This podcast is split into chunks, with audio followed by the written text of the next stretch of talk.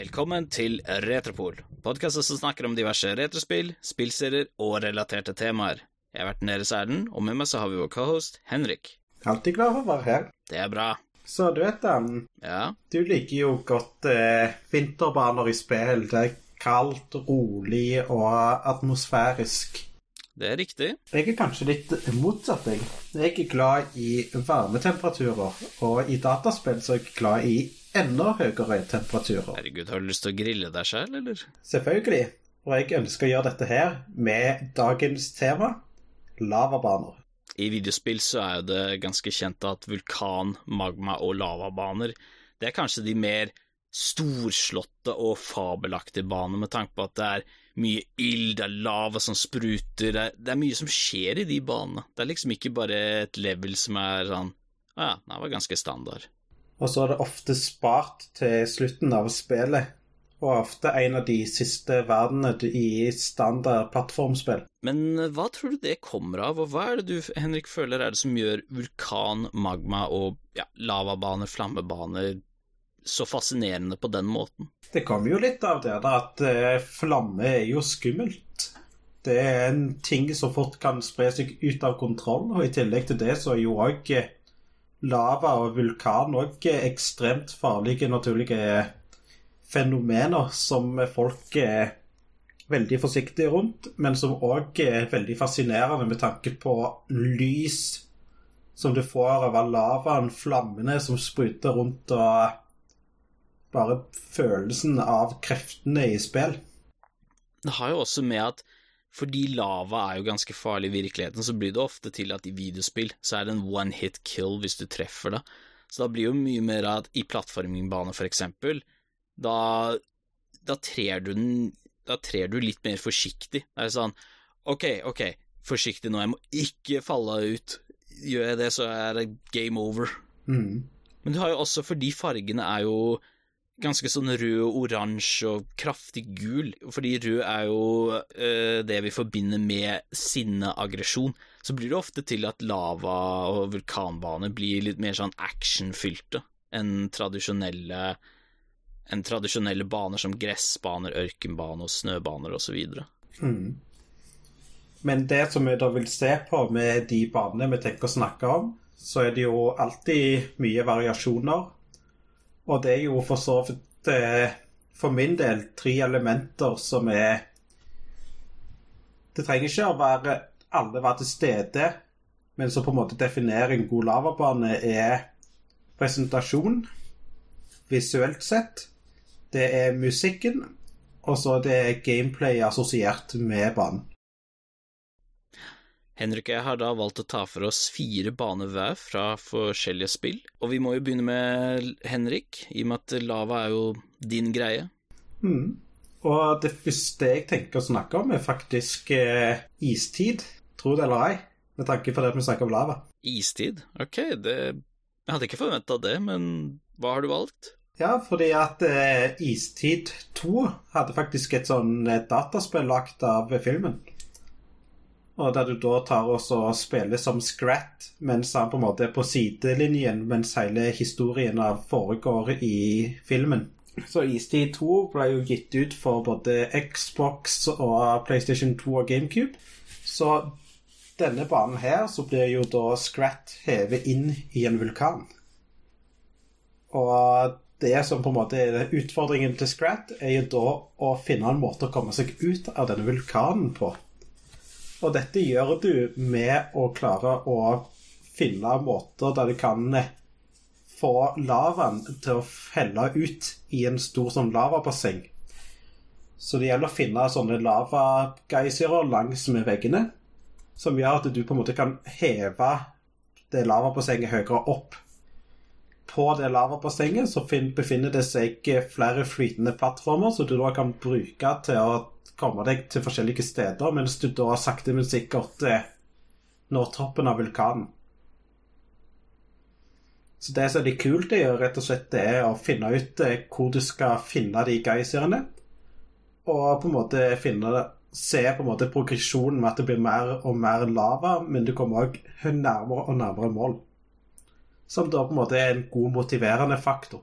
Når det gjelder det audiovisuelle stilen i denne banen her, så er jo på en måte visuelt ganske sånn standard. Du er inne i en vulkan, det er lava, det er stein. Ikke så veldig mye mer. Det er en del edderkoppfiender du slåss mot. Men musikken er det som på en måte er med på å heve denne banen her. For musikken i denne banen her er dyster, og du føler deg uvelkommen. Du vet at dette her er en plass du ikke ønsker å være. Og banen gjør en veldig god jobb musikkmessig med det med at du har eh, få instrumenter, men du har et sånn, sånn sanger i bakgrunnen som bare er på en måte nunne til Som tar og nunner en melodi som på en måte er, gjør alt så mye mer sånn skummelt, trist og skaper den følelsen av at eh, du må komme deg ut herifra. Ja, Nei, det er jo veldig viktig med tanke på lavabaner, at du føler den derre At du må virkelig komme deg vekk derfra før lavaen tar deg. Mm. Den banen jeg har valgt å ta for meg, er fra Crash Bandicut Wrath of Cortex, som vi har snakket om tidligere i vår Crash Bandicut-episode. Men det levelet jeg har spesifikt valgt å ta for meg, er en som dukker opp på siste verden, nemlig level 21, Crash and Burn. Crash and Burn er jo da et level som tar som finner sted ved en vulkan. Du starter da langt unna, går mot den, og etter hvert som du går i levelet, så ender du med å starte fra bunnen av vulkanen, og så går du nesten til toppen. Det som også er litt artig med den, er jo at eh, når du kommer til toppen, eller nesten toppen, så ser du nedover mot levelet, og så ser du Å ja, der har jeg tidligere vært. Det er, det er jo gøy. Mm. Ikke nok med det, så er jo dette en av de vanskeligere banene med tanke på det at det er en skull route i banen. Som nevnt i tidligere episoder om Crash, så er jo skull route en område du må komme deg bort til uten å ha på noe tidligere punkt i banen. Og dette fører deg da til et ekstremt mye mer utfordrende del av banen. Der du da kan låse, finne en farga diamant, som du da kan bruke et annet sted i spillet. Det er to ting jeg liker veldig godt med denne banen, utenom det jeg nevnte i stad med at du kan se nedover, og så ser du hvor du tidligere har vært. Det er jo at dette levelet har jo mange ild- og flamme- og lava-relaterte hindringer. Pluss det er jo dette punktet i spillet hvor du hvor det virkelig begynner å teste deg på hva du har lært gjennom spillet. Men det som virkelig gjør denne banen så gjenkjennelig for min del, er jo musikken på den. Vi har jo tidligere nevnt at soundtracket er ypperste kvalitet. Men akkurat denne banen her, bare jeg hører Crash and Burn, så er det denne låten som spiller i hodet mitt når jeg tenker på vulkaner. Sånn, hvis jeg hadde vært ved en tropisk øy, og jeg befinner meg i nærheten av en vulkan, så er det denne låten jeg kommer til å tenke på med en gang når jeg, hører, når jeg er i nærheten. Mm. Og den er såpass eh, gjenkjennelig at eh, hvis du bare hører ett sekund av den, så vet du akkurat hvilken track det er. Ja. Den er Altså, den bare får meg i rett stemning. Det er sånn Jeg hører den så bare Vulkan. Og musikken er jo da heavy på trommebruk og beat, med da xylofon og blåseinstrumenter som på en måte lager skikkelig trykk i enkelte deler av tracket. Mm. Og er bare med på å skape en sånn skikkelig kraftig beat-følelse. At På en måte du føler deg på en måte Det er catchy, du liker å høre på han, men det er sånn allikevel uvelkommen truende.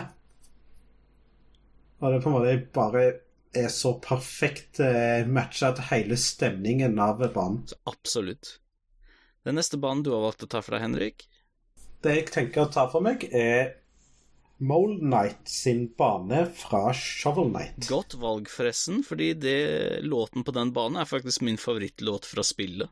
Shovel Knight er jo da et eh, plattformer som er veldig inspirert av Selda eh, 2 og Ducktales, med det at eh, Shovel Knight kan bruke spaden sin til å slå til fiender. Du har en del forskjellige ekstra items som du kan equippe og ta i bruk. Og så er det det at du har spaden din som fungerer som en pogo-stick. Så er det på lignende måte som Skrue McDuck fra Ducktales eller eh, Link fra Zelda 2. Og målet da med denne banen her er jo å komme deg til Mole Knight, som da er, har, befinner seg dypt under bakken Så målet ditt er jo å grave deg sjøl stadig dypere og dypere og dypere ned i banen. Samtidig som du da prøver, måte, prøver å komme deg nærmere Moon Night. Det som på en måte er et naturlig hinder, er jo lava og magma, som du da finner ganske så fort i denne banen her. Lava er da instant kill, bortsett fra sånne lavaflekker som kan dette ned fra tak og som kan treffe deg. Enkelte steder så er du nesten tvunget deg ut på lavabasseng, men der du da går på en bille som tåler å stå i lavaen. Denne billa har da en grønn geléaktig bakende, som du da kan sprette på så du kommer enda høyere opp og hoppe over plattformer og andre hinder som eh, billen klarer å gå under, men som du er nødt til å komme deg over og rundt. Banen i seg selv er egentlig ganske utfordrende, men bossen Mole Knight kan faktisk være veldig tricky òg, spesielt hvis du ikke vet hvordan, hva du skal gjøre der. Og det er en veldig bra måte å avslutte eh, banen på med en skikkelig kul fight med en av de bossene du slåss mot i spillet. Den neste banen jeg har valgt å ta for meg, kommer fra Diddy Kong Racing, men også remaken på Nintendo DS, hvilket er Hot Top Volcano. Hot Top Volcano er jo da en bane som finner sted inni en vulkan, hvor du da kan enten velge å bruke fly eller en hovercraft til å kjøre gjennom banen på. Og av hindringer så er det jo så klart lava, ild og et par dinosaurer som vandrer rundt. Selv om banen er en av de lette, så er det den typen som er Når du blir veldig god på den, så kan det bli veldig vanskelig å mestre den, spesielt hvis du spiller med andre som kan banen veldig godt. Men det som virkelig løfter denne banen veldig opp for min del, det er jo låten på den. For den Altså, sånn som med Crash and Burn, sånn, god musikk kan virkelig løfte opp en bane. Og den her har veldig sånn derre indisk preg, så jeg får liksom Når jeg spiller denne banen, så får jeg følelse av at jeg er inni en vulkan Ind i India. Det har en skikkelig bra trommerytme som du nesten er nødt til å bevege kroppen din i takt med. For den er så bra, med da en bra sånn en bakgrunnsnote som går en hakk opp og ned, og holder på en måte en konstant raskt tempo. Og så har du da en sykt bra sånn hovedmelodi som eh, er catchy å høre på. David Wise skal ha dette. Det er at han har lagd en låt som det er veldig vanskelig å ikke headbange til. Eller sånn, Når du hører den, så er det liksom Du må nesten jamme med den. Og ja, absolutt sånn kjekk musikk å høre på hvis du jobber med enkelte typer ting. Det er bare sånn Det er bare kjekk å høre på i mange settinger. Den neste banen jeg tenker å snakke om, er jo da verden 8-7 fra New Super Mario Bros. Wii. Og her begynner vi å se den andre delen av lavabaner, nemlig vanskelighetsgrad. For verden 8-7 er da egentlig en hemmelig bonusbane du kan finne med å finne en hemmelig exit i en annen bane. Det som er kult med akkurat denne banen her, er det at den bygger videre på konsept introdusert i en tidligere bane, som da er lavabølger. For det er en bane tidligere i verden der du da har massevis av plattformer som du da hopper rundt på. Men du må hele veien følge med på hvor du står, fordi lavabølgene går i en konstant hastighet opp og ned. Som gjør at du da må være på rett plass til rett tid for å ikke bli truffet av lavaen som instakiller deg. Så Se for deg det konseptet der, Allen. Og se for deg at du plutselig befinner deg på en berg-og-dal-bane. For berg-og-dal-baneleveler er jo alltid gøy. Mm. Og se for deg fire personer på en relativt kort sånn eh, skjelett-berg-og-dal-bane som alle desperat prøver å gjøre alt de kan for å overleve til enhver tid. Vær forberedt på at det da kommer til å være øyeblikk hvor folk kommer til å være Nei, nei, du, kom hit! Forsiktig! Nei, nei, ikke gjør sånn! Hit nå! Hit! Og det er kaos som er bare rett og slett utrolig bra og morsomt. Og det er på en måte Det bare er kaotisk, det er gøy, det er spennende. Du de prøver å samarbeide, men samtidig du stoler ikke på uh, lagkameratene dine. Så det var bare sånn en hektisk heck of a ride. Og den på en måte med musikken, som har òg en sånn sykt kraftig beat, som du òg bare beveger kroppen til, og bare passer stemningen. Det blir skikkelig sånn angstfølelse av det hele. Du vet at dette her er utfordrende. Samtidig så er den jo òg perf i perfekt lengde. Den er ikke for lang, den er ikke for kort heller. Så når du er ferdig med den, så føles det akkurat ut som du har tatt en berg-og-dal-bane i virkeligheten, omtrent. Kaos og frustrasjon, men på en god måte. Den neste banen jeg har valgt å ta for meg, er enda en racingbane, men denne gangen fra Crash Team Racing og dens remake på Crash Team Racing Nitrofueled, nemlig Mystery Caves. Mystery Caves er da en todelt bane hvor den første delen eh, finner sted inni en tradisjonell grotte med eh, juveler og sånt til pynt. Den andre biten har da lavaelementer i seg, hvor du da kjører forbi et område med masse lava, og så er det ildkuler som kommer fra sprekker mellom hoppene. Og det som er greia da, er at de varierer, de ildkulene, om de spretter opp fra høyre eller venstre side av hoppet. Så da du må jo da, mens du kjører på banen, vurdere om skal jeg kjøre høyre eller skal jeg kjøre venstre nå. Og avhengig av hvilken vei du valgte, så enten kommer du forbi helt fint uten noe problem, mens andre ganger så vil du få den derre Nei! Øh!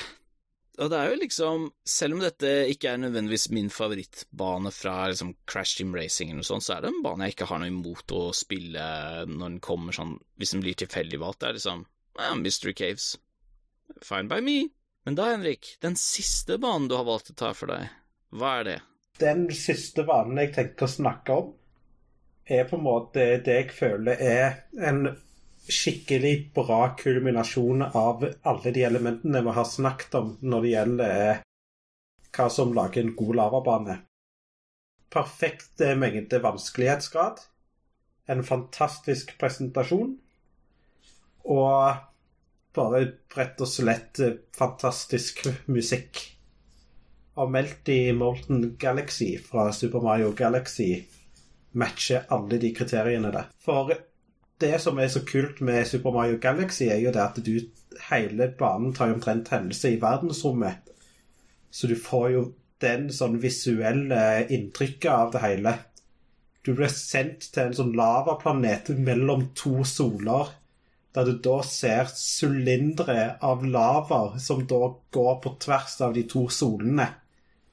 Og så ser du jo da at eh, du har plattformer du må hoppe på som synker under vekten din. Og mens det da skjer, så ser du at det metallet varmer seg opp og blir mer og mer rødt, før det da synker helt ned i lavaen.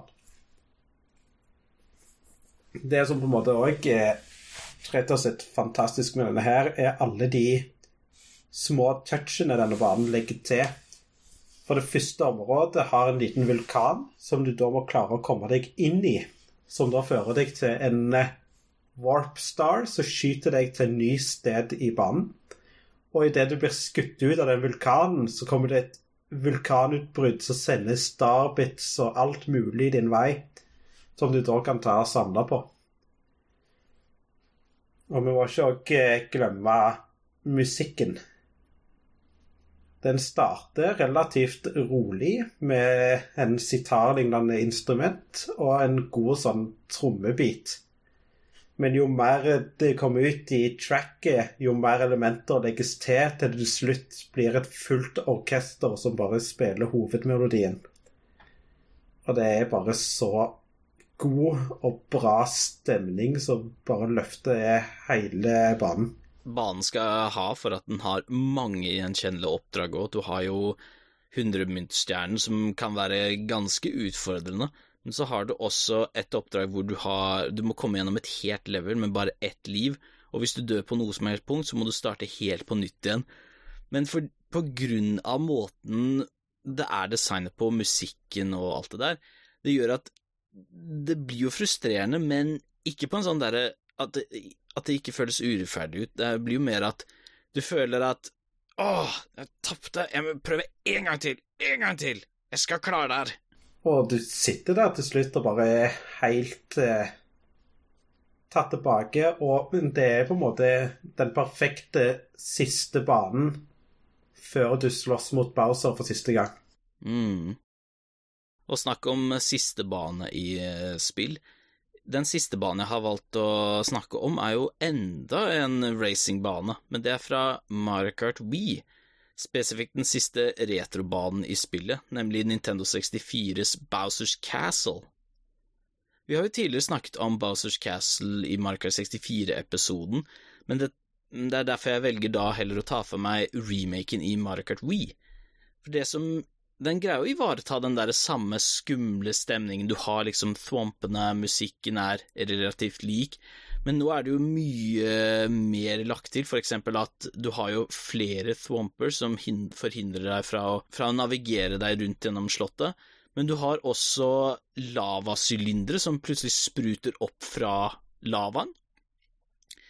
Fordi selv om Bowsers Castle er i teorien egentlig en slottsbane, så er jo det at Bowsers Castle er bygd oppå lava, og det er jo et lavahav, så å si, rundt Bowsers Castle.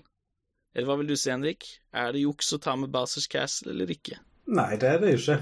Du kan jo faktisk dette i lavaen. Lavaen er jo en trussel du må unngå, og det setter jo hele atmosfæren for banen. Og det som på en måte òg er litt kult med akkurat de geyserne du nevnte, er jo det for hver runde du tar, så vil tempoet på geysirene på en måte øke. For det er jo to geysirer som spruter opp. Den ene sprut, Når først den ene har stoppet å sprute, så vil den andre plutselig sprute opp. Og tempoet på de blir bare raskere og raskere og raskere. Så du må på siste runde være 100% sikker på hvilken av de to geysirene du tror kommer til å komme opp.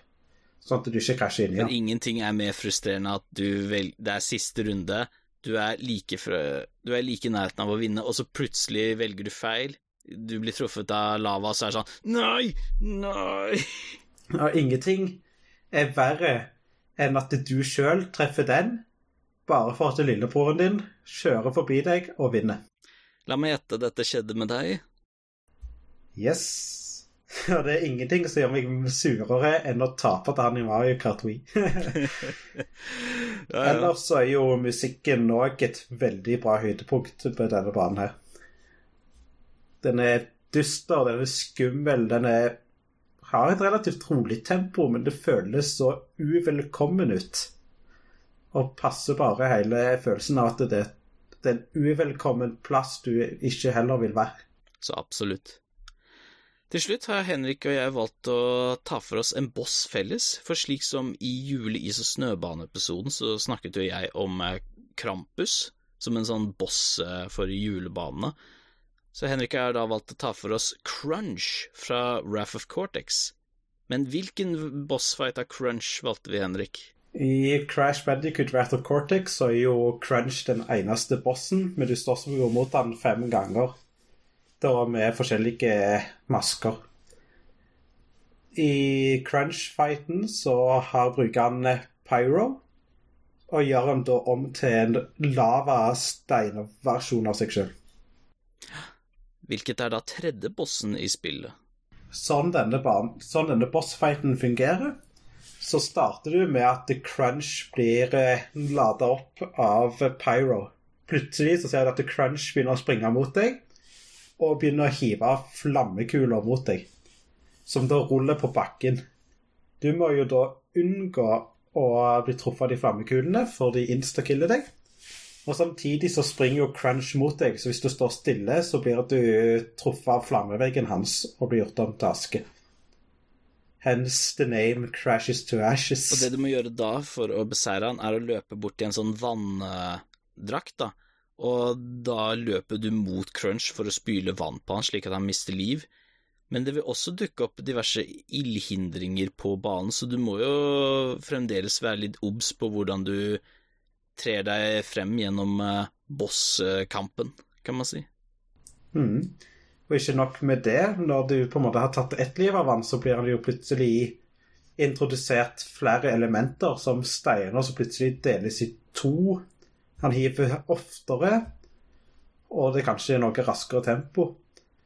Og når du da først kommer tilbake til Mekken, som da skal spraye vann, så vil han plutselig legge ut små miner som kan ødelegge deg hvis du treffer dem. Så du må på en måte klare å komme langt nok fram så du klarer å treffe han, men du må òg unngå alle fellene han legger ut. Det som også må nevnes, er jo musikken for denne bosskampen, for Altså, hvis Brennende hus å komme ut av den fortest mulig hadde en låt, så er jo nesten den her, Crashes to Ashes-musikken, er jo den som så å si passer mest. Med bare hele settingen. Du ser at det er brann overalt, og det at du på en måte må unngå den innkommende flammehavet som Crunch drar med seg, på en måte gjør jo Hever jo stemningen. Og musikken som på en måte er skikkelig hard rock, bare passer så sykt bra til bossfighten. Så absolutt. Og med det så er jo egentlig dagens episode Det er jo vår spesialepisode ferdig, så vel, det var jo det vi hadde av vår spesialepisode. Tusen hjertelig takk for at dere hørte. Erlend, Hæ? du kan ikke avslutte ennå. Jeg har jo ikke fått snakket om den bossen jeg ønsker å snakke om. Vi valgte jo Crunch felles, og så har vi jo snakket om Crash and Burn, vi har snakket om World 87 Jeg har lyst på mer. Kanskje bare avslutte med crunch. Jeg har lyst til å avslutte med en siste boss. Jeg har lyst på en siste boss som du møter på slutten av et slott. Å ja, Bowsers Castle, fordi hva er det vi møter på slutten av en Bowsers Castle? Bowser. Of course. Men hvilken versjon av Bowser? For det finnes jo øh, utallige versjoner av Bowser. Den jeg tenker passer best når det gjelder hvor bra han har tatt i bruk både lava som et element i bossfighten, er Bowser fra New Super Mario Bros. Wii. Ja, da så. For bosskampen starter jo slik som den originale Super Mario Brothers, hvor du har Bowser på en bro, og når han hopper, så kan du løpe under, ta øksa og kutte broen. Men denne bosskampen er ikke ferdig så lett, for det fortsetter etter det der. For det som da skjer, er jo det at du på en måte har eh, sluppet bare sånn her broa, og der ser du jo Peach som du da redder Nei, vent, det er ikke Peach, det er Kamek. Og Kamek gjør jo som Kamek alltid gjør, og gjør ting større. Og han gjør jo da Bowser gigantisk. Og det som på en måte er så kult med dette her, er jo det at du fort finner ut at du befinner deg på plattformer som Bowser kan knuse med ildkulene han skyter mot deg, samtidig som han sakte, men sikkert kommer nærmere deg. Så målet ditt blir plutselig da å overleve en autoscroller til du kommer til slutten av banen for å stoppe Bowser. Dette her er også en bosskamp som også er et level samtidig. Det er en slags hybrid, kan man si. Men det som virkelig gjør akkurat denne bosskampen så artig, er jo den der, de øyeblikkene hvor du har sånn Det vil være mur i veien, samtidig som det kan være lava, og så har du bare et så bitte lite mellomrom til å nå på en trygg plattform. Så det blir jo øyeblikk hvor det er sånn Åh, åh, åh, ok, ok. Åh. Ja, det er jo sånn Det som er jo at er Bowser skyter jo ildkuler basert på hvor du står akkurat idet han skyter. Så du må jo på en måte klare å finne OK, vi må stå her nå. Jeg må stå her nå. Å nei, der kommer jo flammekulen og ødela plattformen jeg egentlig trenger. Så hva skal jeg gjøre nå? Du må på en walljumpe, du må ha presisjonsplattforming for i hele tatt overleve. Og ikke nok med det, du har musikk som på en måte er føles ut som det er en dommedag omtrent. Sånn, det føles ut som at det er sånn This is the end. Og plutselig så kommer du til del to av banen. Og det du da ser, er det at du nærmer deg lava. Og lavaen fungerer på samme måte som i verden 8 av 7, som jeg nevnte tidligere, med det at den går som bølger. Og det er jo Bowser som skaper de bølgene i forskjellige tempoer og høyder basert på hvordan man hopper mot deg, eller hvor nærme og hvor langt ifra han er. Og det er jo sånn Når du har det, plattformer som beveger seg rundt omkring, og det er på en måte Alle de tingene der gjør jo at det blir ekstremt kaotisk, ekstremt eh, nervepirrende og ekstremt spennende. Og da passer jo den der dommedagsmusikken som plutselig får et kor som plutselig begynner å humme i bakgrunnen, mens det på en måte legges til enda mer elementer i musikken når det kommer til fase to. Hmm. Det er i hvert fall en av de beste Bowser-kampene, etter min mening. Da er vi vel ferdig med spesialepisoden, er vi ikke? Da er jeg fornøyd. Ok, det er bra. Så vil jo bare nevne at vi er jo tilgjengelig på Twitter, at retroport64. Der kan vi kontaktes. Eventuelt kan dere etterspørre episoder dere har lyst til at vi skal gjøre, eller ja, andre ting. Og med det så er vår spesialepisode ferdig. Tusen hjertelig takk for at dere hørte på. Så snakkes vi. Ha det bra. Ha det bra.